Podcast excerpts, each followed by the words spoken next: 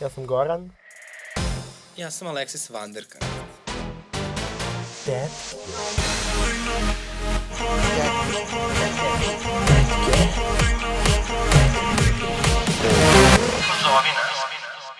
Podcast Tetke radi se uz podršku da se zna i remarkera. Dobar dan, dragi slušalci. Evo, ranom zorom Gox i ja snimamo Tetke. Danas je uh, 8. oktobar leta gospodnjeg 2021. Ja sam ovde u Beogradu gde je trenutno 13 stepeni, a Goran je u Berlinu. Dobro jutro, Gorane, da li se čujemo? A, čujemo se naravno Aleksis, ovde u Berlinu je začuđujuće toplo, ovaj, uhvatili smo lepo vreme. A, tako da da, čuo sam da je kod vas nešto ono kao hladnikavo. Boga mi, hladnikavo i prelepo za spavanje, do duše nije kao da spavam puno ovih dana, ali izvukli su se zimski uh, jorgani, uh, uživa se u životu. Uh, ti si ovaj, u Berlinu kod dečka, kako to ide? E, to ide fantastično, ovaj, samo ovaj, dok, dok sam stigao do Berlina, to je, ovaj, to je bila potpuno jebada, ali sada je super, sada, sada živim u svom raju. Uh, planiraš li da se vratiš u Beograd? Nažalost, planiram da se vratim u Zerbijem, što se kaže. Ove, a, tako da dolazim u Beograd za par dana, ove, tako da družit ćemo se, uživat ćemo zajedno. Dakle, za razliku od Miloša, neki eto ljudi ipak ostaju u svoju zemlju i u svoju, da kažem tako, matičnu kuću. Uh, I eto, ponovo nam se vraća vrednost. Ko, kad, ko kad Maja Nikolić kaže ono kao, ovaj, moja matična kuća RT, PGP, RTS. ja više volim kada ona kaže, uh, moj kum uh, Vladimir Grajić Graja. da. Koji je komponovao pobedničku pesmu na Euroviziji. Tako da da, sad sam trenutno kod dečke fantastično je. Prelepo, prelepo, eto, bar jedna tetka ima sreće u ljubavi. Uh, pa jebi ga, Alexis, ti imaš sreće u karijeri. Pa dobro, ali ja bih tela da se ostvarim i ovako kao, kako da to kažem, kao, ne samo kao Alexis the businesswoman, nego kao Alexis the romantic woman. Ali ja se nadam da ću sudati za nekog košarkaša, pa ajde, vidjet ćemo. Bože zdravlja. Bože zdravlja. Ovaj, uh, u totku kada uh, ova epizoda bude izašla, dakle mi smo ovo sad morali ovako s cijelom prilika, jer ja naravno idem na svoje ovaj, oktobarsko proputovanje ovaj, po albanskom primorju. Tako da u totku kada slušate ovo, ja ću uh, verovatno negde se tresem od hladnoće ovaj, u, u Sarandi ili Ksamilu, ali bože moj, zavisi ko šta voli. E, ja, čekaj, a šta te je natiralo da, šta te je natiralo da uplatiš more na kraju oktobra?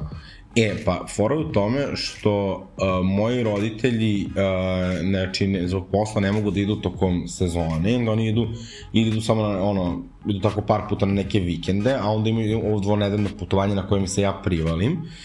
I zapravo to uvek bude super, bude toplo, onako kao, nije kao kad je leto, zato što tipa negde oko 11 recimo odeš na plažu, ali ostaneš do 4-5 popodne, čak možeš i da izgoriš kao sve je legit kao letovanje, samo nema ljudi. Tako da meni je to super.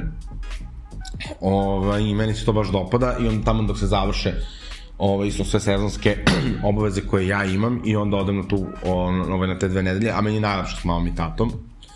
Tako da eto, to je, to je priča. Uh, inače, da, glavna tema ove epizode će biti uh, Britney Spears, odnosno ovih nekoliko, ajde da kažemo tako, dokumentaraca i nove momenti koji su se desili u njenom slučaju. Ove, o tome ćemo pričati nešto kasnije, a evo sada možemo da se vratimo na ove neke uh, lokalne uh, teme, što je da su lokalne? Pa jesu lokalne, lokalne teme. Lokalne i životne. Da, ja sam ti, Goksi, uh, poslala jedan link da pogledaš jedan ovaj, Instagram profil koji se zove Hetero Home. Da, ovaj, Alexis mi to poslala, meni to iskreno ništa nije jasno. Ove, sad mogu da ga otvorim, ove, uh, kako si rekao da se zove? Hetero Home. Hetero... Hetero Home, sam bez ičega, ikakve tačkice. A, mislim da ima tačku između na Instagramu, a na Twitteru ima donju crtu. Ovaj, mislim, u trenutku kad mi već budemo snimali ovo, već ljudi će znati o čemu se radi. Ovaj, ali evo sada ovako kao uživo da vidimo, uh, snimamo reakcije homoseksualaca na Hetero Home. Ne, meni, ono... Hetero- A, Stvarno, samo nije mi jasno, kao, pretpostavljam da je nekakav troll, ovaj, U pravu si, Gorane. Heterohom je zapravo kao fake agencija koja dođe i sredi ti kuću tako da niko ne pomisli da si uh, gay, lesbika, trans, bi ili, ili šta god, nego da Aha, kao znači- jedna uh, osoba natekla od cisrodnosti i heteroseksualizma. ok, znači straight eye for the queer guy. Aha, nikad nisam čuo za to, ali može. Pa ne, pa kao queer eye for the straight guy, pa samo ono kao reverse Aha, ono kao reverse, ok, dobro, da. Pa, recimo nešto tako. I o, ono što ljudi ne znaju, a saznaće u nedelju, Pa jeste da... čekaj, je- mislim, ono kao kako, kako, kako će se uređivati dom, te, uh, ove, ma, treba da imate nekakve ideje. I imamo Ove, kako- ideje, znači- Kako urediti dom heteroseksualno, šta staviti španski zid? Ne, ljubavi, uh, znači možemo o tome da porazgovaramo, a imamo mi neke ideje, zapravo izaći će mali spot kako se to uređuje i, i, i, i, i tako dalje, ali vidiš da, recimo da, da recimo španski zid zvuči kao jako dobra ideja. Da, da, da, pa ne znam, šta su tebi sve ono kao heteroseksualno, ono kao... Daljinski u Doma. Šta? Daljinski u celofanu, Da, može daljinski u celofanu, pa čak nekad i nameštaj u celofanu. molim lepo, ovaj, Ove, a, n- ne znam, možda ono, on, oni, oni znakovi, ono, live, left, love, pa dekupaž svuda, pa onako ono, ove, e, onako drveni sat s, sa ono kao nekim dekupaž motivima, pa ono, ali onako i neki, i neki quote tipa uh, life might be short, but that's why you have to live it. Da, da, da, da, da, da. Ove, ili ono, ono što mi je isto omiljeno, što mi je vrlo onako kao, vrlo straight, uh, onako ničim izazvan poster New Yorka. Da, ili Marilyn Monroe. Ono kao neka, ono, e, canvas print kao. Da, Marilyn Monroe i, ove, i Audrey Hepburn sa muštiklom. E, e, Uh, onda uvijek dobijem flashback uh, Sanje Marinković koja se slikala kao Audrey Hepburn ovaj, pre tipa na 20 godina Ne, ja, do, ja dobijem flashback, uh, ja dobijem flashback Rade Manojlović koja se slikala kao Marilyn Monroe. Bože, e si provalio da je, a, mislim, sad nešto ne stižem mnogo da ispratim, iskreno mi nije toliko zanimljivo, da je Rada Manojlović sad postala kao neki Twitter debil. Na to sam vidio, ali ovaj, to je... Znaš, to je, to je klasičan onaj... O, klasičan onaj moment kad neka zvezda ono kao napravi Twitter ove, i onda sad ono kao m, misli da ne znam ni ja šta i ove, onda da onda krene da ono kao ima stavove apsolutno svemu što se i razume i ne razume što mislim kao generalno jeste vrlo karakteristično za Twitter ali ono javne ličnosti nekad moraju da shvate da su javne ličnosti Da vidio sam da se nešto tu kao ona sad kao promišlja vakcinaciju i tako dalje. Da, da, da, da, da. Ali dobro, to je, mislim, ono, s jedne strane, razu... ja to pomalo i razumem sad iz ove perspektive, znači, ono, nama je država dala da kao biramo vakcinu, što je kao potpuno, mislim, što ako mene pitaš, potpuno imbecilno. Ove, kao, kao, šta se ja razumem, ono, ove, šta se neki lajk kao što sam, na primjer, ja, kao što smo, na primjer, ti i ja, šta se mi razumemo koja je kao vakcina po nas najbolja. Tačno. Ali- kao šta, šta ja imam tu da ono kao bistrim nešto? Ali da, ali ja mislim da nije bilo kao kineske i, ru, i ruske vakcine, nama ne znam tako, da se gomila ljudi ne bi ošte vakcinisao. Pa, I pa, moguće. meni je moja mama došla i rekla ovako, kao, znaš, kao, ja sam razmišljala, ja ipak više verujem u istočnjačku medicinu i tako dalje. I ovaj, kao to imala neke kao govore na naš nešto, ono sad kao neki veliki be, ono, neko veliko inače, kinesku vakcinu, ki- kinesku vakcinu su ono, ovi radili, ono, tipa, ne znam, neki guru iz sa Tibeta. Bukvalno u Avanu je ono ono. tucali, razumeš? I, I sad kao, tu sad ona meni kao priča, znaš kao, im ja ipak mislim kao da eto, kao ću ja uzeti Sinopharm, bla, bla, bla. I primili su prve doze Sinopharma i onda je htela da primi i treću dozu i opet je imala taj govor i onda je otišla tamo. Kaže, njoj moj čale. Znaš, ali bolje da primimo Pfizera. Kažem, ok, evo što? Kaže, pa, znaš šta, sa Pfizerom možemo da idemo i u Grčku, tako da, ako, ako rešimo da idemo u Grčku nešto brzinski, moći ćemo da idemo sa Pfizerom. I onda su kao iste sekunde primili Pfizera, kao sve, sva sumnja, ovo, svo poverenje u istočničku medicinu je nestalo i kao samo Grčka. I kao, super nam je, kao ništa se čudno ne osjećamo, kao malo nas bole rukice, kao ali to je to, i kao evo, preživali smo. No da, meni se Ovaj- znači zbog... Ja sam primio prve dve doze Sinopharma i treću Pfizera, ja sam zbog toga imao tolike, ja sam zbog toga imao tolike probleme da, dođe, da, da, da dođem kod dečka. Ove, jer uh, sad je Srbija na ove, kao crvenoj listi što se tiče Evropske unije za, za ulazak i sad kao svaka zemlja Evropske unije on ove, ima svoje neke ono tipa mere vezane za te kao crvene zemlje. Znači, ovo je iz serijala Život piše drame. Ali ajde čekaj samo, e, mogu da te prekinem? E, da samo završimo priču sa heterohomom, da ti ispričam o čemu se radi. Aha, okej. I onda ćemo da se vratimo uh, na ovaj Priča ti je homo. bila toliko interesantna, ali završi. Ne, nego je odletela je. Pa da, ovo je zapravo, uh, ovo je zapravo kampanja za Coming Out Day koja je 11. oktobra. Aha. I onda će kao, to će biti druga faza kampanje, ovaj, kad ćemo mi revealovati da je zapravo iza nje da se zna. I naravno, uh, najdražesnija naša agencija, ovaj, McCann sa najgenijalnijim kreativnim ljudima. Ovaj, I onda ćemo se malo i ozbiljnije pozabaviti temom autovanja, ali negde Uh, moja naša ideja jeste da malo promovišemo autovanje, da osnažujemo masovnije ljude da se autuju, jer mislim pričali smo o tome u prošloj epizodi, sada se kao ne ponavljamo, ali autovanje jeste važno i važno je da negde pričamo o tome da razmenjamo iskustva, da odgovaramo na pitanja i slično. I ja se nekako nadam da će u narednim godinama i taj coming out day postati mnogo veći i bitniji nego, nego, nego što je danas. Mislim, ja sad kao ne mislim da mi nešto kao tetke treba posebno pričamo o autovanju u ovom momentu, pošto pričamo o njemu gotovo stalno. Slavim se. Ovaj, ali eto ljudi mogu da dobiju da se zna i podršku, psihološku, pravnu, ukoliko im je potrebno pri autovanju uh, i, i, i sve ostalo, ali ajde sad da se vratimo ovaj, kada smo već završili ovu priču o autovanju, uh, da se vratimo na tvoju dramu, uh, dakle kako je Goran, prvo nije otišao u Berlin, pa je onda ipak otišao u Berlin. Tako je, tako je. Znači, sad ti spojlovo slušalcima, onda kao, spojlovo si srž. Sve u svemu. Ove, um, znači, ja sam primio dve doze Sinopharma i jednu dozu Pfizera. Ove, I sad, uh, u Nemačku može da se uđe sa potvrdom o vakcinaciji iz Srbije, ali ove, pod uslovom, ali kompletno vakcinisana osoba je osoba koja je primila ili dve doze Pfizera, ili dve doze AstraZeneca, ili dve doze Moderne, ili kombinovane doze, al između tih vakcina. Ili jedna doza, ono, Johnson Johnson. Sad, ove, kao kineska i ruska tu kao ne, ne igraju ulogu, ali isto tako prema kao, prema pravilima, osoba koja je nekada u životu preležala COVID ima minimum dozu, minimum jednu dozu ove, uh, EU EU approved vakcine. I mogu da što te pitam, Goks, ovo sam da je informativnog karaktera, a kako je da dobijem potvrdu da sam preležala COVID? Uh, treba ti, uh, potvrda da si prelažao COVID ti je zapravo pozitivan PCR test od tada kad si A prelažao. mora da bude PCR, ne može antigenski.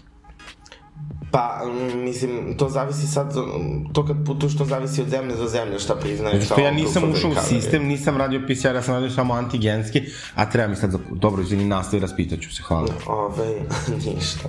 Um, sve u svemu, znači ja imam, znači, uh, imam potvrdu, imam pozitivan PCR test od onom od prošle godine kad sam imao COVID, imam tu jednu dozu EU vakcini, ja dođem na aerodrom, kako sam srećan što ću da idem u Nemačku i oni me, oni me ne puste.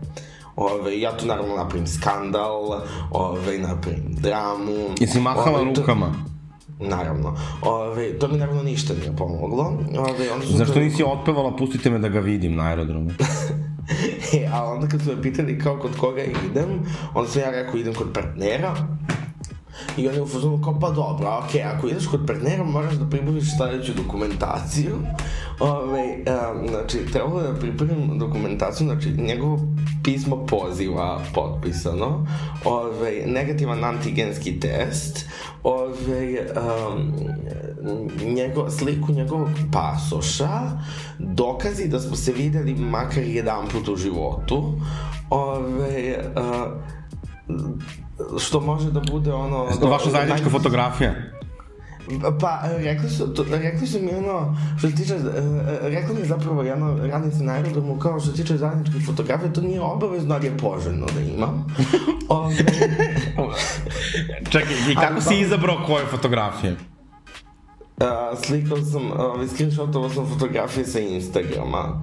Ove, ali slušaj priču, ove, Znači, da, dokaz da smo se videli minimum jedan put, što je najbolji dokaz, najbolji dokaz za to su njegove avionske karte. Ove, znači, slika ono kao njegovih ono kao rezervacije avionskih karata, slika njegovih ulazaka u Srbiju, ono kao u pasošu pečati.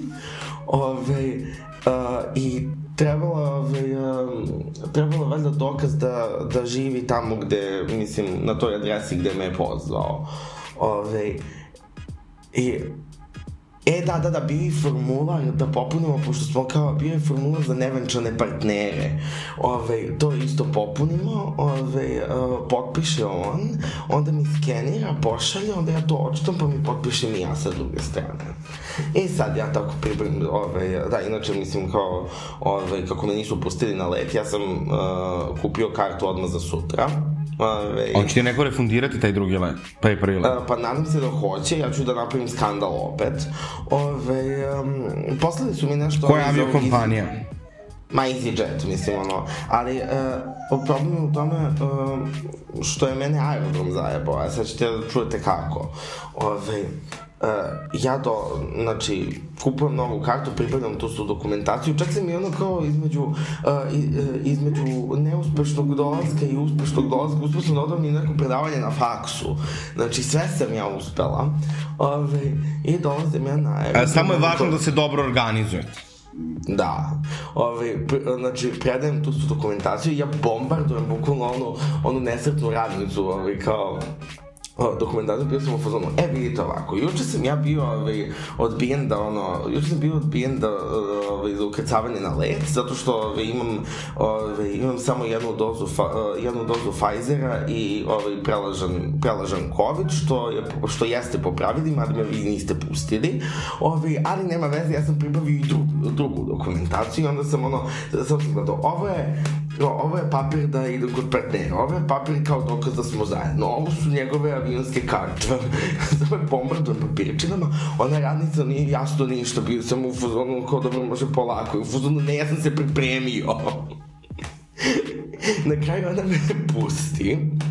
I, ali, najgore od svega, ja kad sam došao u Nemačku, ovaj, ja ga, odem ja kod onog, znači onaj po, policajac, onaj što pregleda pasoše, ono pa kao pasoška kontrola, odem ja tamo, kažem njemu, ove, vidite ovako, ova je moja potvrda o vakcinaciji, imam jednu dozu preporučene EU vakcine i dam proof of recovery, kao ovo mi dokaz da sam preležao prema ono vašim, prema sajtu ono vašeg ministarstva i prema sajtu ambasade, Nemačke ambasade u Beogradu, ja mogu da uđem. I on je pogledao papire, bio u fazonu, jel imaš kao povratnu kartu? U fazonu, evo imam, i on kako dobro, da, prođi. Izvolite u salonu. Na, bukvalno, na, na, znači, kad, nisam, kad nije krenulo paranje, znači, mislim, kao, okej, okay, bio sam srećan što, ono, ovaj, što sam uspeo da uđem, ali... baš Ali mislim da je to posledica čitave te uh, COVID šizofrenije u kojoj se informacije toliko loše komuniciraju, znači kao da sad kao ti i ja vodimo aerodrome, aviokompanije, države, znaš, pa kao ne možeš setimo šta smo se sad zadnje dogovorili. Da, prvo ja bih ono kao našem aerodromu poručio ovaj, uh, u novoj 2022. godini želim da snime hit ovaj, uh, i Uh, želim im da nauče da tumače tekst. Ove, jer je ovo stvarno, mislim, ovo je stvarno bilo neizdrživo. Ove, jer Uh, iako postoji, kako postoji to pravilo, ove, jedna doza EU vakcine i jedna ove, i kao prelažan, EU vakcina, bukvalo zamišljam kako ti neko u špedicama one EU zvezdice, razumeš? Da. Ove, uh, kako to jeste pravilo, onda su oni meni rekli, ne, ne, ne, kao, ove, da je to tebi prva doza, onda bismo te pustili. A pošto je to treća doza u kombinaciji sa kineskom vakcinom koja nije odobrena, onda kao ne može. Ja ne znam, ja ne znam kao... Neodobreni miks. Znači, IQ 70 tumačenje teksta. Ja, Da, mislim, kao, a, mislim ja da ne, to... Kao, to, je, to je bukvalno kao da ja sad dođem, ono, kao da, da sad dođem u prodavnicu, razumeš, i sad, ove, uh, da ja, i ono kao pitam, jel primate kartice? I oni kažu da, da, primamo, ali samo Mastercard. I ja onda ove, kažem, ja imam i Vizu i Mastercard i onda mi kaže, e pa onda ne možeš da platiš. Da, ali znaš šta, nekako moj uh, osjećaj je kao da bukvalno uh, mi smo sad toliko izbombardovani nekim različitim informacijama. Čak i kad su preporuke koju vakcinu da primiš kao treću dozu, znači tebi tu kao, ne znam, Darija Kisić kaže ko je primio Sinopharm, treba da primi opet Sinopharm, a onda neko drugi iz kriznog štaba kaže ne, bolje sada da primite RNK vakcinu. I kao, ti si u fazonu, šta god, onda ja čujem neki ljudi sad kažu kao, ne zna se kao da li je okej okay da se miksuju vakcine. Mislim, ja koliko sam čula, onaj čovek što je dobio prvi u Vranju dve različite doze, sem što se osjećao čudno živ je. Ove, super.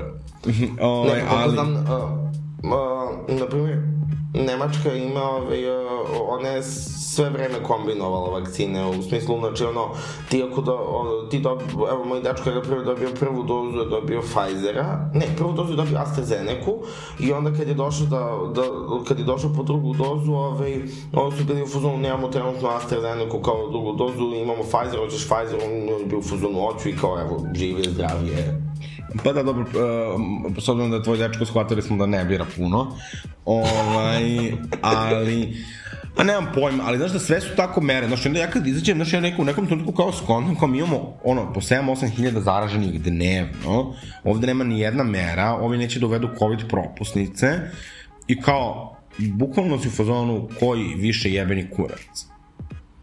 Da, da, da, mislim, ono, znaš kao, s jedne strane, a, s jedne strane kao vakcina je svima dostupna i onda kao, i ono, što se tiče mera, ovaj, kao dosta, dosta je na ličnom nivou da li ćeš se ti vakcinisati ili ne, ali s druge strane, brate, ono kao što je više ne vakcinišen, znaš kao, propa, zdravstveni sistem je u potpunom haosu, znači ono kao ne, ne mogu da se rade ono kao rutinske stvari, zato što je neko odlučio da ono kao... Da se ne vakciniše. Da, zašto je neko, da, zašto je neko odlučio da je ono kao najpametniji, da je ono kao njegova sloboda ugrožena ja u prevodu, u, ja u prevozu, u prodavnicama viđam ljude bez maski. Ne bih rekao, rekao bi da je možda jedna od deset osoba bez maski ili jedna od pet, ali ih ima. Pričao sam baš juče s taksistom, on kaže isto u fazonu kao, eto, kao, ja sam, kažem, ja se izvinjam, ja ne mogu da nađem masku, samo mi dajte minut, on kaže, kao, pa da, eto, kao, vi imate masku, kao, ali kao, većina ljudi, kao, kao vi se meni se izvinjate, kao, većina ljudi kao uđe bez maske i neće da je stavi, iako mu ono ispred nosa piše da je obavezno. I e, čini mi se da ono to na ono mislim na, na sve strane, a država odnosno ovaj Vučko i i Brnabi neće da se s tim obračunaju da ne bi slučajno izgubili koji glas. Da, mislim, jezivo. Čime se ljudi ono dovode mislim u, u ogroman u ogroman rizik mislim ljudi umiru ono evo umrla je jedna trudnica u oktobru isto 20 i nešto godina u septembru juče prekjuče je umrla još jedna trudnica koja je imala tipa 20 godina A, mladi generalno umiru znaš kao, baš je jezivo. Ja juče baš nešto pričam s mojom mamom i ona kaže kao, uh, kao zovem te zato što me kao hvata panika kao ono da uopšte izađem iz kuće. Kaže se plašim da ću negde da se zarazim. I, ovaj, i kao, na, znaš, a ljudi, mislim, ja ne, ja ne znam, znaš, i onda kao, meni nije drago da umri neko ko je antivakser, mislim, žao mi je da, da bilo ko umre, zato i želim da se ti ljudi vakcinišu, naravno i zbog svih nas, ali i zbog sebe. Ali ja stvarno, ja, ja više ne znam šta je tačno potrebno da se desi da neko ono, da neko krene da, ovaj, da, da shvata ono kao ozbiljnu I ja situaciju. imam ideju zašto- šta je potrebno da se desi. Znači, ja imam ideju da sledeće, da se, da se krenu ljudi koji ne nose maske da se kažnjavaju. A, pod broj 1. I da se stvarno kažnjavaju, jer ja ne znam da je bilo kome u Srbiji napisana ma, kazna što nije nosio masku. Da, da, da. da. Znači, to je A ne, ono, ali ne- ne da se uvedu smislu, COVID smislu- propusnice i da država krene da daje nedvosmislene informacije vezano za, za, za to, pandemiju. to, se, to se svakako sve slažem, nego sam, ja, ja, ja sam pristo zona, ovaj, šta tačno treba da se desi, da neko ono, ovaj, da a, antivakseri prvo poveruju u to da korona postoji, da to nije nekakva zavera, i ono kao sve što je moglo da se desi, desilo se, ono, znaš kao, i bilo je toliko zaraženih, toliko ljudi je pomrelo, razumeš, ono, od, od, od, od, COVID-a. Da, ali ja mislim da tu ni ne treba da se fokusirati na antivaksere, mislim da su oni neki, neka zadnja instanca, treba se uh, fokusirati na one ljude koji su skeptični prema vakcinama, a ima ih u velikom broju, i da se prvo oni odvrate od, od toga i da se, da se u, namole da se vakcinišu, a mislim da će se to desiti kroz ove stvari. Onda možemo da pričamo o nekoj eventualnoj obveznoj vakcinaciji, jer mi smo imali vandarno stanje sa daleko manjim brojem zaraženih. Ok, razumemo pod kojim uslovima niko nas uđe, tada ništa nismo znali, i bilo bi suludo da sada, mislim, suludo da kažemo tad kad smo imali, ne znam, 50 zaraženih dnevno, mi smo to i to, a sada imamo 8000 i ne zatvaramo se, ali sada mnogo više znamo o samom virusu, ali kao da, zaštitite da, sebe, da. zaštitite sebe, uh, nemojte da se glupirate da decu terate da ne nose maske u školi, uh, da, ono, ne, znači, da, da, da ono, mla, na mlade da skrenu da se, da se, da se, da svakako da se mladi vakcinišu, ubacite ove influencere, neka, neka pričaju o vakcinama, a, recimo kao Dušan Tasić, jedan pravi primer ovaj, jednog mladog čoveka koji se zalaže za vakcinaciju. O, tako i treba. Tako je moja velika simpatija ovaj Dušan Tasić. Uh, I, znači, prosto saberite se. Mislim, ovde nema nikakve ciljene kampanje. Mislim, neka neko evo pozove McKen i neka kaže iz države ministarstva zdravlja, evo mi ćemo vam dati toliko i toliko para, napravite jednu dobru kampanju. Znači, pare nisu upalili, to smo svi shvatili, Znači, neće se antivakseri vakcinisati za 50 ili 30 e, evra, 3000 ili koliko već da im se davalo.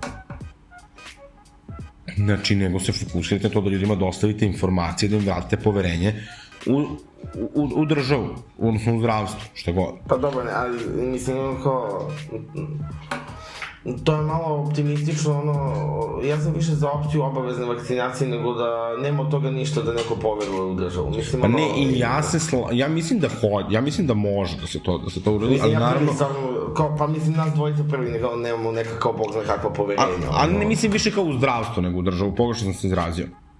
Ali, ne, slažem se, obvezna vakcinacija je bila najbolji potez, ali vidiš da Vučić nema ono hrabrosti ni da uvede COVID propusnice. Mislim, ljudi će, znaš šta je stvar? Što većina tih ljudi koji se dvoumi bi zapravo za nešto što želi primila vakcinu i onda verovatno što tome ne bi brinuli ni jedne sekunde. Da, da, da, da. Uh, znači, ali sad kao, znaš, ti kada si anti-vakser, ti onda sad kao dobiješ taj neki osjećaj da si ti poseban, da si pametni, da razumeš nešto što drugi ljudi ne razumeju. Uh, I onda kao, znaš, kad, kad si neki debil, koji je ono završio metalokobasičarsku i uh, ono piše ne znam znači znaš kao sad nisi u, u fazonu više da pišeš rečicu ne odvojeno od glagola nego je pišeš odvojeno od prideva jer si i dalje glup i, i polupismen i onda ti kao to daje sad naš neku dozu sad kao da si ti pametnije od drugih I onda naravno da se ti hvataš za to. Znači ja sam vidio hiljadu puta te poglede kao tih antivaksera kad im ja kažem da sam vakcinisan i kad im sugerišem da ne bi bilo loše da si oni vakcinišu zbog sebe. Znači onda kao te on pogleda kao znaš, ajmo moronu jedan što sam kao, na... evo, koja si ti ovca za šišanje. Da, da, da, znaš kao i, i, i ti sad u fazonu, jer lako je kad ti ovako vređaš tako neke ljude koje ne poznaješ, znaš, na Twitteru, pa kao, znači, ali kad ti se nađu kao u facu, kad se facu, dobro, Laskovac, ovaj, uh, kad se snima face to face i kad su neki ljudi koji ti poznaješ, dosta je teže. I... Pa znam, znam, ja sam svog oca molio da se vakciniše, na kraju sam vakcinisao i ono... Ali ono kao, mislim, meni je stvarno žao što ja moram ono kao da upadnem u seriju guilt tripovanja, razumeš, da bi ono, da bi neko otišao i obavio ono kao posao od 15 minuta. Ne znam, ne znam, ali ajde sada da ne dužimo vakcine, dakle ti si onda stigao u Berlin i sada si sa, sa našim dragim Otišla. Otišla u Nemačku avionom. Otišla u Nemačku avionom i sada uživa u Berlinu. E, ima ona pesma Cece, ja te volim čak i kad si u Parizu, ne znam da li ima za Berlin, ali eto. Um, Sad ono što se još zanimljivo desilo jeste da je uh, Severina se našla na meti uh, srpskih nacionalista uh,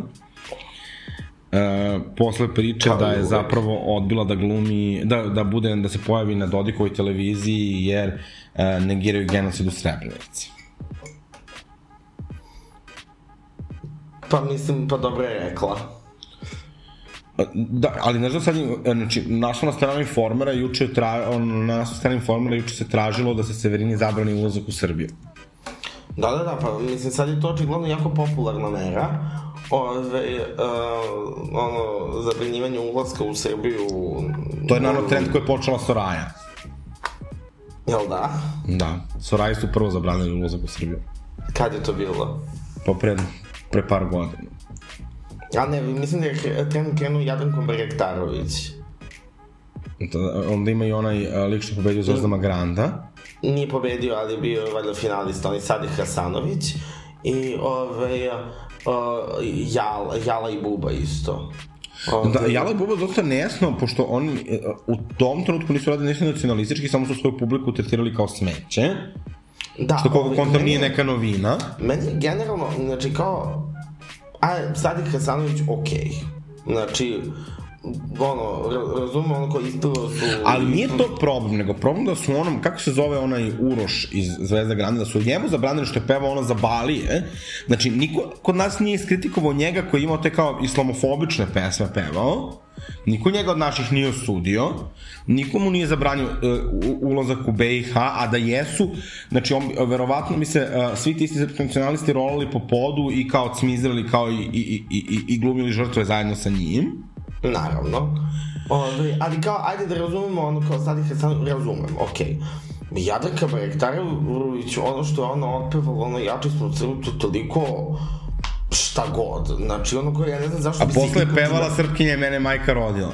Jo, znam, znači ono kao baš ne znam, ono kao Znači, ona jako devojka, karijera. neki ljudi su prosto retardirani. Ali, da, e, to, ali kao, znači kao, ona je toliko nebitan faktor. Ona je bu- bukvalno, znači, najnebitniji faktor ikada i igde. Mislim, Ona je bila do tada jedino poznata po tome uh, što na svakih šest meseci ispriča da je dobila nepristojnu ponudu da ima seks nekim s 10.000 evra i odbila je. da, da, da. Ove, I ono kao, mislim, žena ima tipa dva hita, razumiješ, ono kao... Koja dva hita? Ima, ima dva hita, ove, ima ono, ono, ono, ona prva pesma koju je snimila, ono, laka, biću... Ja bih ove noći jer takva, Baš takva. baš Ove, svom ima bolu ću to. pomoći. Eto. A koji drugi hit? Uh, da li će se ikad sresti tvoja noć i moja zora? Ne, Nikad čuo. nema zbora. To nije hit. To je bio ogroman hit. Možda u žarku. To što ti ono, to što ti ne slušaš ono turbo folka, tu se ono nešto busaš u prsa kako ono, kao ti ipak nisi elitista, razumeš, to je sad druga stvar. E, ja se izvinjam, ja kada sam radila na popularizaciji uh, Turbo Folka, uh, znači, vi još niste bre imali Twitter. telama. Kad smo Miki i ja uh, imali uh, kao heznički odbor kolaboraciju sa Cajke i Zart. Šta ste tu radili? Pa mi smo, znaš šta je Cajke i Zart? Ne. To je bila neka Facebook stranica koja je uh, zapravo na uh, s, uh, ove, klasične slike uh, stavljala ove, turbo folk tekstove. I mi smo Aha, onda aha. pisali toj devojci da nam ona da dozvolu da mi te njene, e, taj njen dizajn stavimo na naše stikere. Jer smo mi tada već bili popularni po tim stikerima i imali smo ono sa Amfilohijem isto. Um, znači nekog za sebe Zebi ljubi se satima. satima i zašto me u obraz ljubiš... Ne, to imali smo da i Mladena Obradovića i Mišu Vatića koji se ljube u obraz, smo pisali zašto me u obraz ljubiš, neću ti budem, da mi budeš drug i tako dalje. Imali smo te neke, te Jeste vi neke bili forice. bastion onoga što je bilo popularno pre 5-6 godina, ono kao, ono, dizel levica? Jesi se setiš tog pojma? Pa da, ali mi to nismo koristili, mislim, mi kad smo to radili, to stvarno niko tad nije radio, sad kao nije se kao prvi smo radili, nego jeste bila fora, tad smo bili baš isprozvani zbog tog turbo folka, pa smo onda bili isprozvani kako se kao peremo od našeg elitizma na taj način i tako dalje.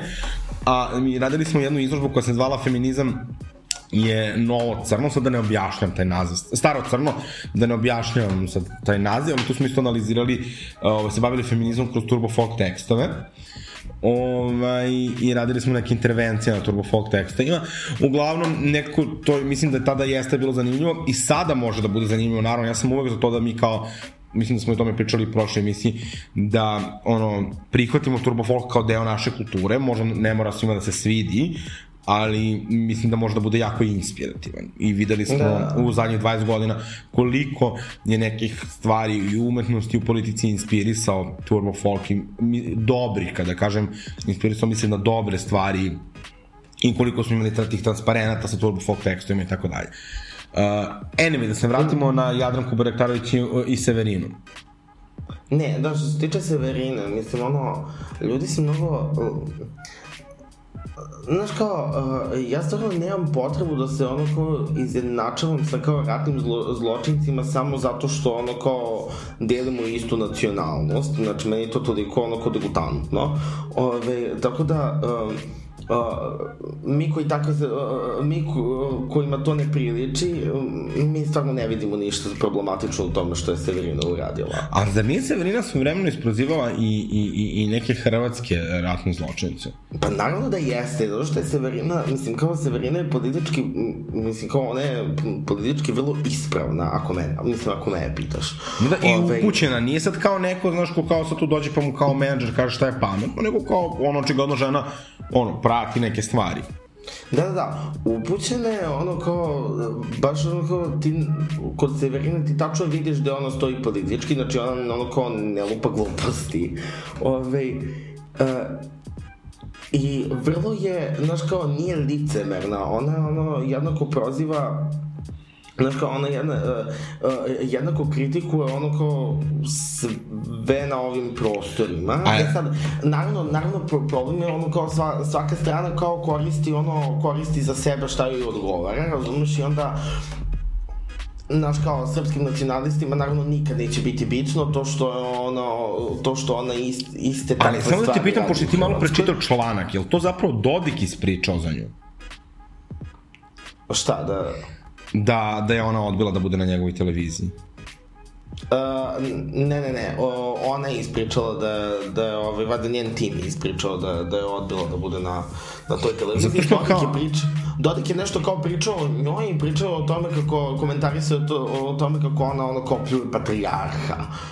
Ali jel vidiš kako postoji kao neka, mislim ne mogu da tvrdim, ali kao ima indikatora, zato postoji kao neka orkestrina kampanja koja da pokušava, znači prvo su pokušali kroz one kao Zoka 5 i ta ekipica da je nametno da mrzi Srbe, Da, da, da. da, da. Uh, I mislim da je uh, ovaj, uh, i, i, tada i Kecman pisao da kao za to ne postoji nikakvi dokaz na sudu, kao da, mislim, su mogli da uzmu zapisnike Ovaj, pa su onda pokušali to sa vređanjem patrijarha opet da prikažu samo kao uh, ono jednu stranu Da, da, da, mislim, ono kao... Sada ovo... Ta situacija sa patrijarhom je toliko kompleksna, znači, zato što je kao ipak patrijarh bio ono kao uplaten u ono kao čitavu dramu sa ono i njenim stereotezom i njenim detetom. Ali zašto bi zapravo bilo zanimljivo? Recimo, da sad zabrane Severini ulazak u Srbiju, pa onda kao se organizuje protest, kao Ja bih išao. Isto, isto. Uh, šta bi ti pisalo na transparentu?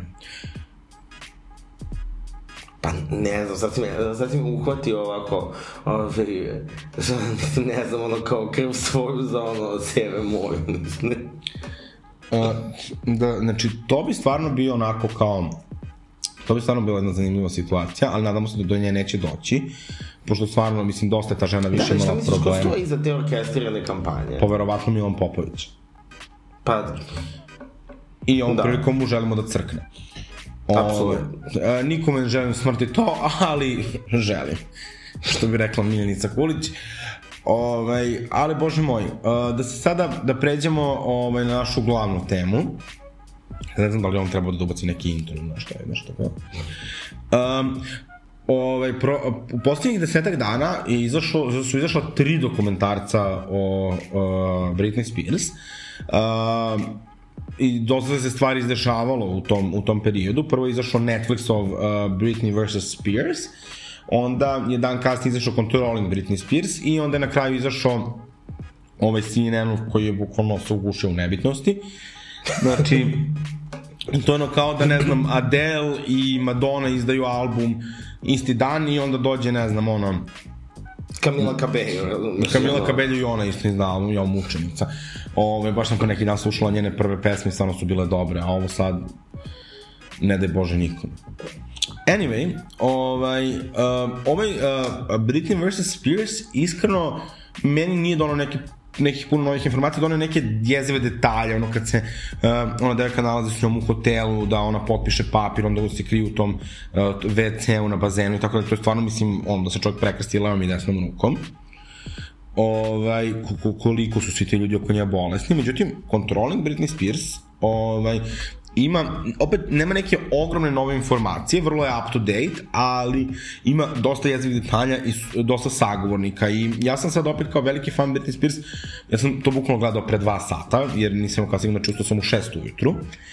Ovaj, I tu sad pojavljuje uh, uh, gomila nekih ljudi, mislim, ono što je posebno zanimljivo jeste da su većina ovih stvari inicijalno iščačkali zapravo fanovi Britney Spears, znači ne niko ko se ono, znači mislim da ono kao nema ono boljih, uh, uh, boljih istraživača u ovom slučaju o, o, od njenih fanova, Ne, generalno, pa, e, e, ge- generalno, kod svih, ono, ti, ti kao zagriženi fanovi, ono, pop zvezda, ovaj, kad se oni skupe da nešto urade, ovaj, znači, to je moć koju mi pocenjujemo. Da, da, ali ovo je, mislim, sada baš kao vrlo specifično demonstrirana moć, kao šta se sve desilo o, ono, u ovako kratkom periodu, o, ono, zahvaljujući fanovima i kao Bilje tu ispala presletka, zahvalila se.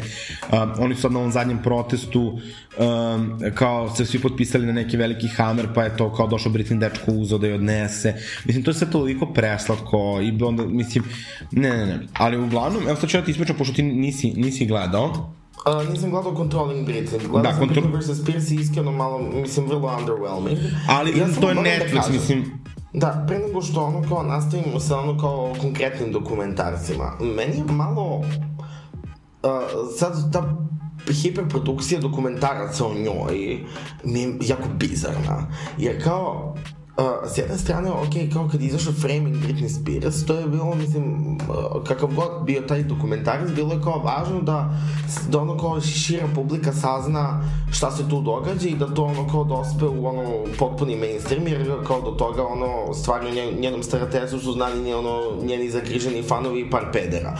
Mislim, Ove, a zahvaljujući ono kao dokumentarcu možda ono kao se ta priča nekako raširila i kroz medije i tako dalje i tako dalje. Ove, ali sad nekako ono izlaze dokumentarci koji ono kao niti imaju neke potpuno, ne- neke pretredno nove informacije, mislim ono kao ti ne možeš zbog dve nove informacije da ono kao napraviš ceo dokumentarac, razumeš? Ove, I sad samo kao svi bi sad da se kao, ove, svi bi sad da kao zajašu hype, razumeš, a kao radi se o Znaš kao, okej okay, da svi zašu hype kad, kada je nešto kao potpuno, potpuno nebitno ili potpuno, mislim, ono, trivialno, ali ovo stvarno nije trenutak. Pa da, ali mislim, ono kao, mislim, neko koji živimo kao u toj eri streaming servisa i kao svi samo hoće da, da, da izađu ono, na, na, na crtu i vidimo, mene čudi sad, znaš, da, da ih nije izašlo još 50, ovaj, a pre godinu dana zapravo niko nije htio da radi dokumentarac na ovu temu, radio je neki ono peder, uh, ovaj, mislim da se taj serijal zvao Deep Dive ili tako nešto, ovaj, to je bila bukvalno neka popuno nezavisna produkcija nekog malog youtubera koji je snimao za Drag neko, Race. Ne, neko je napisao na Twitteru, ono kao dokumentarac o Britney Spears još nije radio samo Balkan Info.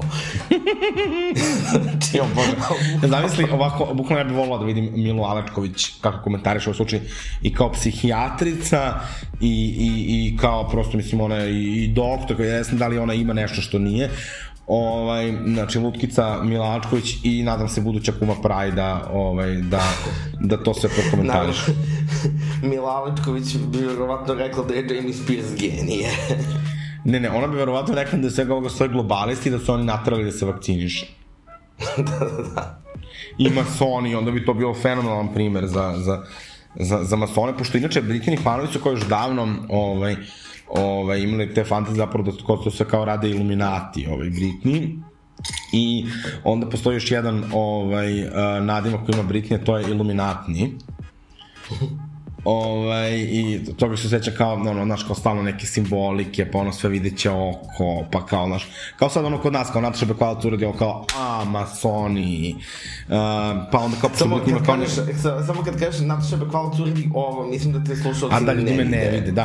Uh, ono kad stavi kao, one, kao, od prstiju napravi kružić, pa kao stavi na oko. Kao Lady Gaga u Poker Face, ono, što E. je ono, ko niko ništa, Lady Gaga ono pravi krug, krug oko, oko oka. I kao Britney ima taj kao signature pokret kad kao stavi ovaj šak iznad glave kao iskrivljene i onda kao to su kao đavolji rogovi i ne znam šta, ali bože moj. Uglavnom, dokumentarac je stvarno dosta potresan i meni, inače ja, ja vrlo lako se razpočem, međutim, jako mi teško nešto izazove fizičku mučninu E, a ovaj dokumentarac uh, mi je pored njene one izjave na, na sud, mislim, izvalo stvarno ozbiljnu mučninu sa, sa, sa nekim detaljima. I sad ja se nekad pitam, ja razumem zašto je ona bila, zašto je nju bilo sramota zbog svega toga, jer kao niko ne želi da, da drugi ljudi saznaju da ga neko toliko ponižava i prosto je neshvatljivo da neko ko zarađuje desetine miliona može da, da bude tretiran tako. Sad tu se pojavljaju neki ljudi koji su njoj bili... Neshvatljivo je da neko ko je radno sposoban, očigledno radno sposoban, bude pod starateljstvom. Naravno, to pod, to pod, pod, pod, pod broj 1. Mislim, kao, znaš, ja nisam psihijatar, pa ne mogu sad ni da se bavim uh, takvim stvarima, ali ja mislim da ljudi, ljudska bića, generalno čak i oni koji imaju ozbiljnije diagnoze, ako su funkcionalni, može da se nađe način da radi, tako dalje, treba da im se da što veća autonomija i naravno podrška. A ovde imamo slučaj da je neko stavljen pod starateljstvo pod izgovorom uh, demen, demencije, jel se kod nas, ka- demencija se kod nas kaže? Demencija, da, da. Demencije, uh, za koju ne postoji jedan papir.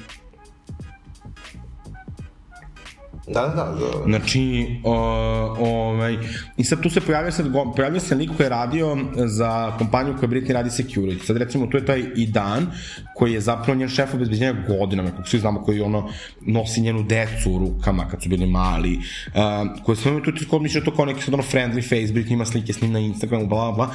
Ti kapiraš da je lik sve vreme orkestra tu čitavu priču oko nje, da oni prisluškuju, da da recimo ta Robin Greenhill koja su nekom trenutku pojavljaju kao u tom dokumentarcu prvi put za Vegas bar da sam je ja kao sad nešto zbiljnije čuo i video, pre toga je to bila njena, je bila Felicia, koja se isto pojavila u dokumentarcu i Brett Miller, koja je isto bila njena asistentkinja, koja se onda udala i svi su mislili kao da je zapravo nestala zato što se udala, Britney je bila deveruša na svadbi. Sad se pojavljuje ova neka, razumeš, Hanuma, uh, tu i ona se to nešto jutro kao ok, da nikom ne svati, onda saznaš zapravo da ona radi sa ovom Lou Taylor, koji, koji su zapravo njen management, on radi sa Kardashianima, ona neka onako, njoj se baš u očima onako vidi neka, da iz nje sjeva neka zloba i onako neka psihoza.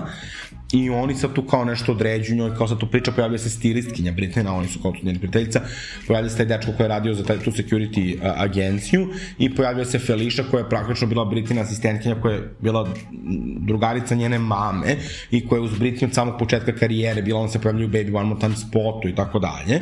Mislim, oni tu pričaju neke najverovatnije, naj, ono, užasnije priče, tipa da se dešavalo recimo da Britney dok je na turneji traži da je odobre da jede za večeru suši i oni kažu, ova Robin joj kaže ne može, juče si jela suši, a, ne možeš tako da se razbacuješ parama. strašno. Znači, Ove, pa isto je bilo ove, Igor Zelija je ove, uh, pre par meseci, ako se sećaš, uh, rekla ove, kako je morala da potpiše NDA. Da, da, da. ove, Ne, ona je to pričala na- zapravo i pre par godine to ona ispričala, da, da nisu dali ni da se promoviše uh, single, da su dolazili kod nje kući, da, da prvo pregledaju celu kuću da bi pustili da, da Britney dođe ošte kod nje. I svi su oni morali da potpisuju NDA i ovi ljudi koji su govorili su rekli kao, ok, kao mi smo svesni da zbog ovoga možemo da ispoštamo, kao, ali ovde je u pitanju kao ljudski život. Da, da, da, i meni je mnogo, mislim, ono, ovaj, uh, mnogo mi je drago što je Igor Zelija izašla i ono, ovaj, i otkrila ono, šta se sve tu dešavalo, ove, iako, ono, ko, iako može da ide njoj na štetu i ono, baš ono, svaka čast lutkici od bukvalno integriteta, Ove, da je više takvih ljudi ovo, ove, da je više takvih ljudi u show biznisu, verovatno, ove, verovatno o, o ovome ne bismo danas razgovarali. Znaš šta, tu je ranije bilo nekih ljudi koji su pričali, ali to kao sve bilo konfuzno da li ovi sad ljudi govore istinu ili ne. I to je ono što je kao isto bilo dosta, znaš kao bilo je jako teško zapravo zamisliti da ona sad čuti na sve to, a da se to sve stvarno dešava.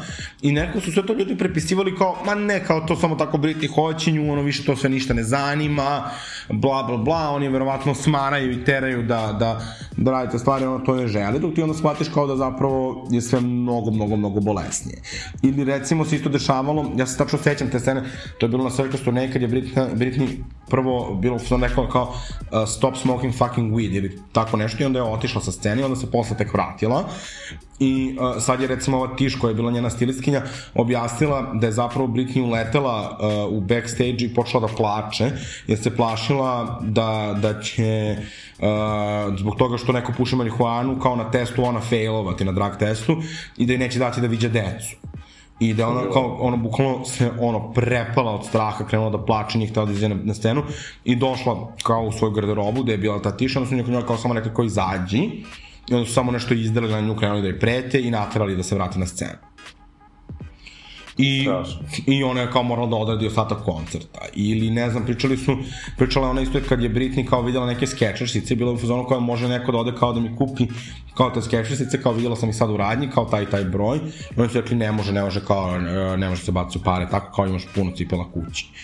I, ovaj, I onda je kao tiš bukvalno bilo u fazonu, nema veze, ajde kupit ću ti ja, ovaj, pa ću provući kao kroz trošak za garderobu, pa ćemo reći da nam ipak ne odgovaraju za show, pa ćeš ih odneti kući. Ali kao, zamisli koliko je to ponižavajuće. I onda Otiš baš kaže na kraju filma da je ona, pošto više nije znala, pošto je, kao su oni bukvalno ljude za koje se Britney veže samo odvajali iz njenog života, ono, izbacivali iz njenog života, da je ona kupila ogrlicu Tiffany i da je uh, sa zadnje strane ugravirala svoj broj telefona da Britney može uvek da je pozove, što je kao toliko jezivo to je znači ono level ono kao ono Desperate Housewives znaš ono kad kao ne, ne, da nekome ugraviraš svoj broj telefona u ogrlicu tajno da svi ljudi oko nje to ne vide.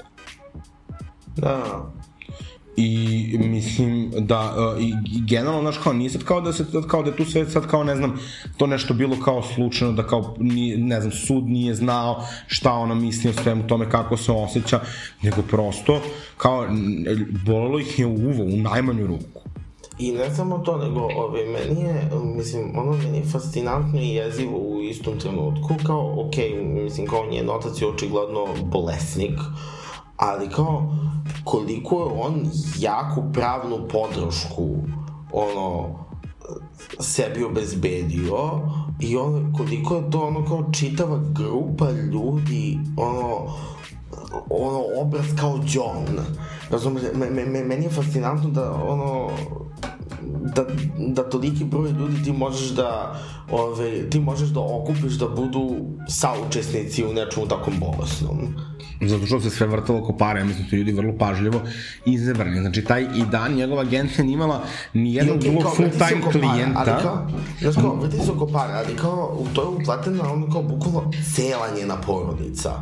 Znači ono kao, i, i, Jamie Spears i Lynn Spears i ona slepi sa Jamie Lynn. E, za Lynn Spears je tu sam sve vrlo upitno, sad ću reći zašto.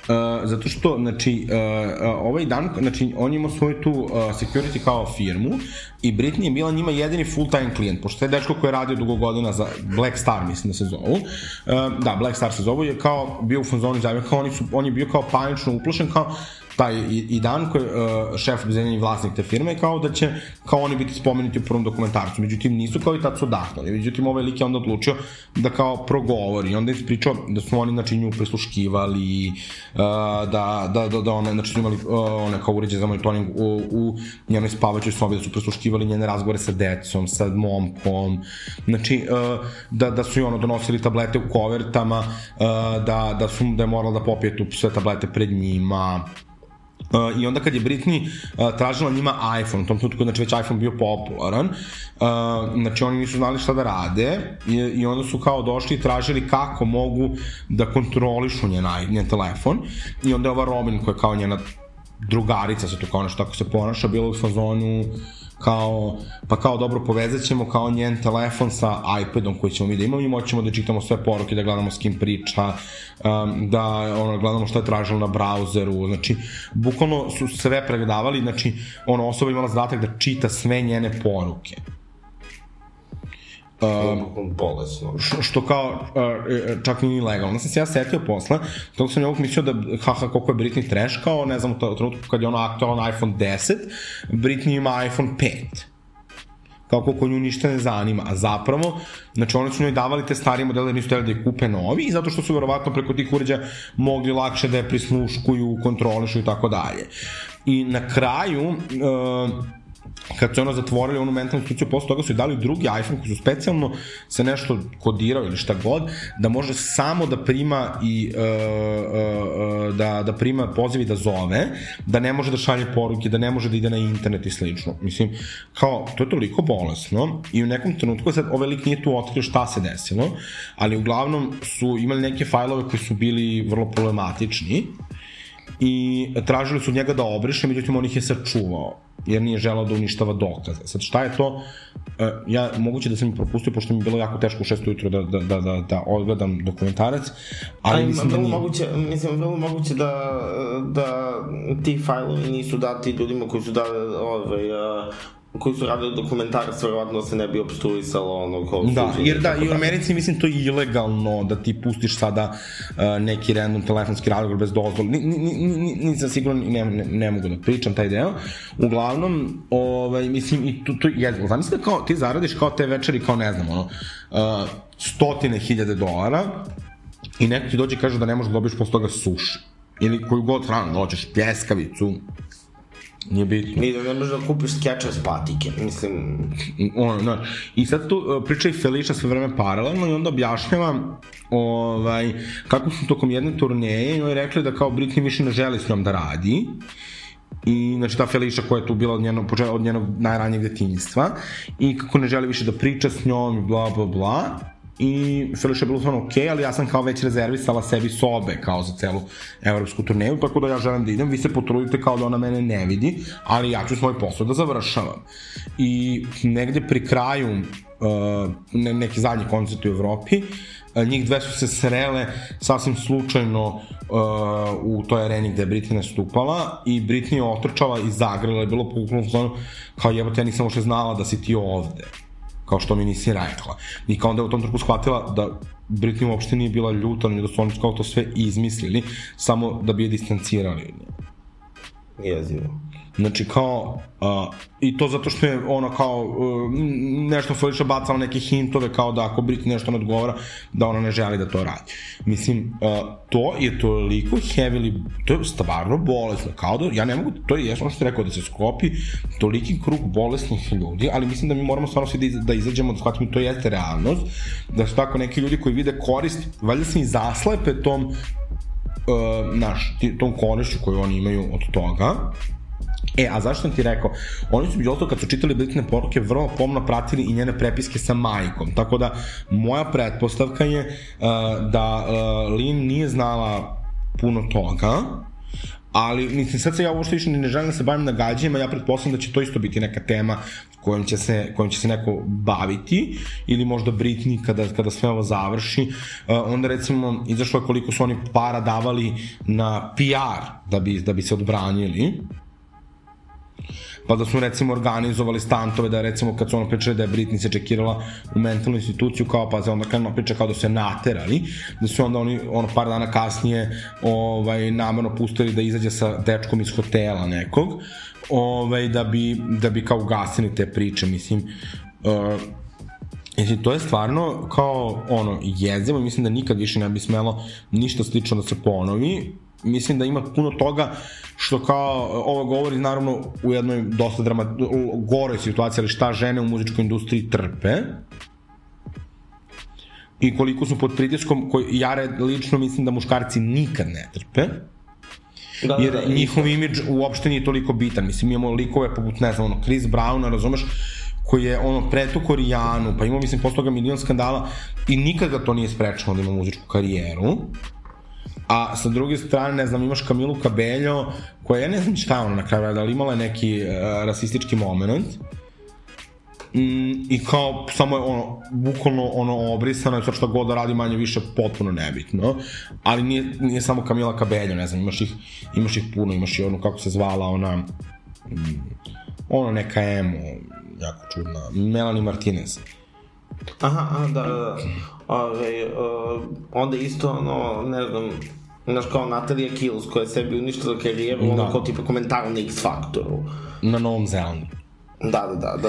A, a, a, sa mu- muškarci nikada ne trpe taj, naš, i nikada nemaju toliki tim ljudi. Uvek imaš, recimo, imaš uh, ti naša koja je toliko puta pričala kako je produkcijska kuća, izdavačka kuća ne dozvoljava da izda šta ona hoće, kada ona hoće. I gomilu uh, tih pevačica, Britney, celu svoju karijeru isto ono, bori bitke, uh, pa ja mislim čak i Gaga u, u, u, u, u mnogo čemu. Jedna koja se tu kao nešto zbiljnije izborila, koja mislim da je jako dobar primer, iako ja nisam neki sad ogroman fan, ali postajem jako veliki Swift. Swift. I to je odličan primjer, kao, znaš, pušite bre da vi kurac. Ja sam kao pričao, jao, brate, ajde, šta drami sad ona, kao, šta je boli pička što Scooter Brown ima kao njene matere. Međutim, ne, to je očigledno jedan od redko dobrih i uspešnih načina da kao ti ono svoju karijeru da te nijedan slepac posla ne ucenjuje. Apsolutno, apsolutno, to se slažem. Izvinjavam se. Ove, Uh, I sad kao, znaš, kao, mnogi, mnogi su iz fazona kao da je Taylor, uh, Taylor Swift fazona kao, ja, koliko je ona, ono, ove, uh, Uh, ne znam koliko, uh, kao koliko je greedy, ono, da. koliko samo kao traži svoju korist. Ali, brate, brate, ona je svoju muziku napisala, ona, ona treba da ima, znači, kao kontrolu nad onim što je ono, kao njen rad. I možda je u nekim situacijama bila, znaš, ono, ja sećam recimo one drame sa, jel ona beše detovala Calvina Harrisa? Jeste. Pa kad je nešto dramila da kao this is what you came for, kao ona nije, nije potpisana, nešto se ispostavilo posle da ona sama tražila da ne bude potpisana. Ali okej, okay, možda ona ima neke svoje glupe momente, ali to je sve verovatno isto iz tog nekog opreza, jer gledaš koliko je ljudi bilo prevareno u svojim karijerama i kao, da, da. zašto bi dala nekome nešto što mu ne pripada? Znači, nije, absolutno, nije pitanje toga, ni ona odbila da da nekoj siromašnoj deci ili, ili nekim ljudima koji su nešto uradili za nju, nego odbila, brate, da je ona maltretira ne, neka debilčina. Bukvalno. Ove, uh, e sad, ono što sam ja tebe htio da pitam, ove, uh, ok, sada što se tiče ono kao stereoteca na Britney Spears, ono što su novosti jeste da ovaj, uh, Jamie Spears više nije stara. Te stereotetstvo još uvek nije ukinuto, ali se pretpostavlja da će biti ukinuto nakon sledećeg saslušanja koje će se dogoditi u novembru. Ove, uh, e sad, uh, šta će se dešavati dalje? Šta misliš? Misliš, ako se njoj ukine starateljstvo? Da. A u kom smislu šta misliš da će dešavati dalje?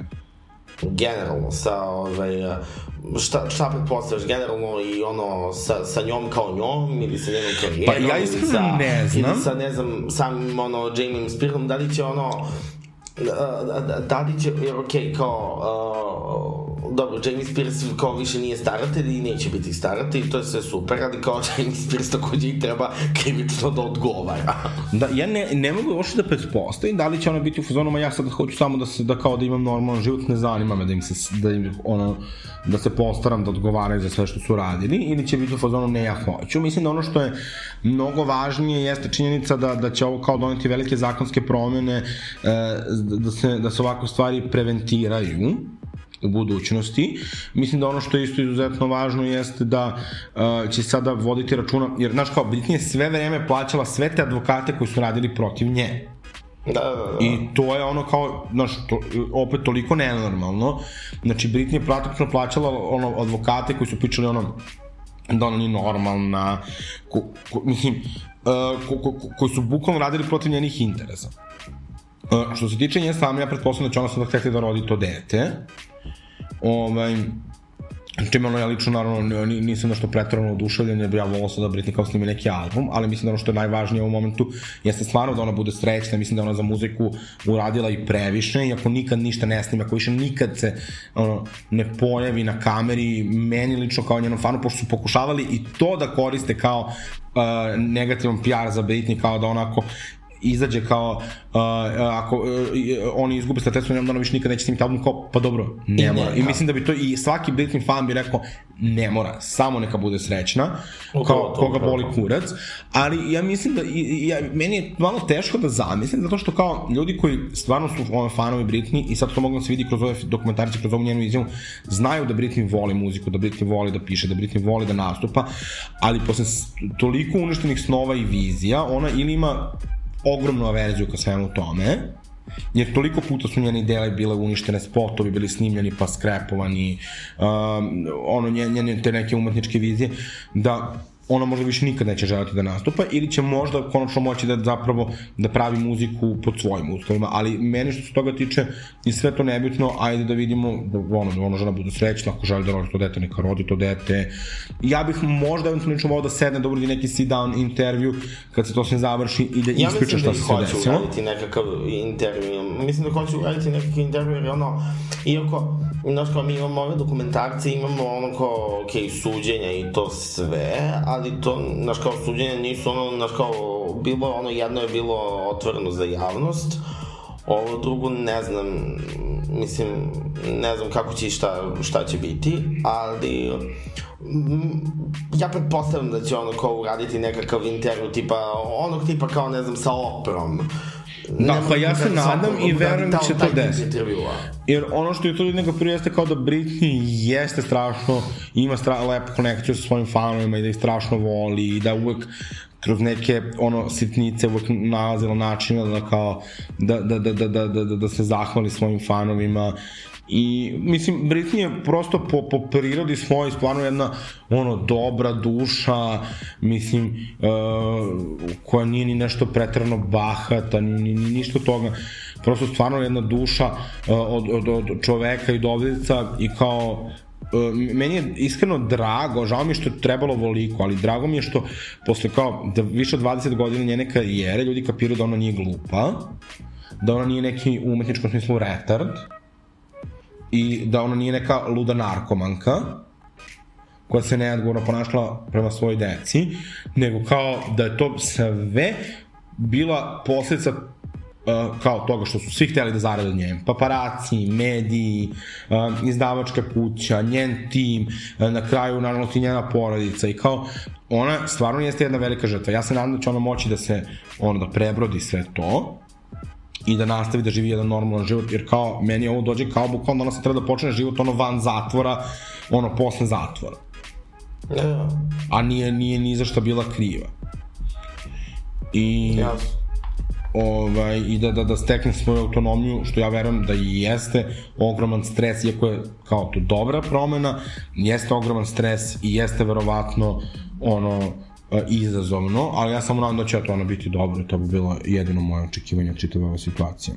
I sada stigli smo i do poslednjeg segmenta ove, ove epizode Tetki, kao i, sa, kao i svaki put čeka nas izbor za bravo ličnost. Ove, koja te bi obeležio Alexis protekle dve nedelje? Pa, uh, ovo će biti možda dosta subjektivno, ali uh, moja bravo ličnost, pošto smo Britney već imali za bravo ličnost, Da, pre dve epizode. pre dve epizode, mislim da smo i u prošloj sezoni imali, tako da Ovaj, uh, ja ću predložiti uh, McCann, agenciju, koja je zajedno sa da se zna uradila uh, ovu kampanju koja, će, se- koja se zove uh, Nećemo da se krijemo. I to je, ja mislim, uh, četvrta LGBT kampanja koju je McCann uradio u poslednje dve godine i McCann je stvarno jedna ekipa sjajnih kreativaca koji to rade, uh, znači, za to im nije plaćeno, koji su prišli nama sa još kampanjom Ne odričem se i stvarno ti vidiš koliko tim ljudima to važno i uh, da, da, da, da im je stalo i koliko se cimaju i koliko cimaju druge ljude. Da, ni- nije, nije uopšte mali posao kao što mi se treba prvo angažovati veliku kreativu, imati prvo gomilu predloga, pa onda te predloge izdvojiti na ne, ne, ne neki manji broj predloga, pa onda reći dobro, ajde sad da izaberemo ovaj, pa hajde da ga oblikujemo, pa hajde, znaš, oni imaju, mislim, puno uh, segmenta, oni imaju svoju PR agenciju, imaju posebnu agenciju koja, ne znam, uh, se bavi target managementom i tako dalje, i kao sve te kapacitete angažovati uh, za, za, za neki viši cilj i ja bih ono volao da imamo mnogo više saveznika kao što je McCann i sad kao da uh, možda to nije kao ultra levičarski ovaj praviti uh, kolaboracije sa, sa, sa velikim kompanijama ali ja mislim da um, ljudi u McKenna su strašni saveznici i meni je drago da ih imamo na našoj strani i nadam se da ćemo raditi još puno kao kampanja koja će, koja će menjati ovo društvo. Lepo, meni, ove, ja ću isto biti jako subjektivan, mo, mo, moj period od dve nedelje meni obeležio moj dečko. Moja bravo ličnost je Ignacio San Chavez. Ok, znači ja vam kažem, usle, uh, Goran će i njegov dečko će za mesec dana imati zajednički Instagram profil. Sad me ovde Alexis predaje sam se i ovde na Zoomu javio sa, ono, kao sa dečkovog Zooma, ali kao zato što on ima na, na njegovom, na svom laptopu ima instaliran uh, Zoom i ulogovanje, tako da ono, to je bila najlakša opcija. Zavisi ko šta voli. Pa da. A, ništa, mi ćemo vam onda osvojiti da glasate ovaj, za, za, za bravo ličnost. A, Gorane, ja ti želim da se lepo provedeš u Berlinu, pazi da ne zatrudniš. Hvala ti, ja tebi, ja, želim, uh, ja tebi želim da se lepo provedeš u Albaniji. I ovaj, Mada želim... ko je ovde prošlo bolje? Pa, meni su oba top. Pa ne znam, u Albaniji još nisam bio, ali ono, javit ću ti kad budem. I ovaj, da poželimo da se naravno Britney oslobodi, da svi dušmani crknu Tako je. I uh, Što bi rekao nam, Wendy Williams, death to all of them. bukvalno, i uh, živela nam Britney Spears, još dugo, dugo, i Severina, i Nataša Bekvalac, I Sajsi. i Sajsi, i Sara Jo, Tako, i Bojana i Vunturišević. Bojana, Bojana Vu, da, ja, da, Bojana će imati koncert na kom ja neću biti. A, znam, u botaničkoj bašti. Da, u botaničkoj- Tako, nam se da ste bili. Pošto ovo... Ko nije bio, pišemo minus. Tako je. Neopravdani. Neopravdani. Uh, dakle, ako niste bili na Pride na koncertu Bojana Muturišević, to znači da imate pravo na još jedan minus i onda će vam biti zabranjeno slušati tetke. Tako je. Uh, ništa, mili moji, ovaj, do sledećeg slušanja. Ljubimo, ljubim vas i vole, i vole vaše tetke. Ljub! Ljubim.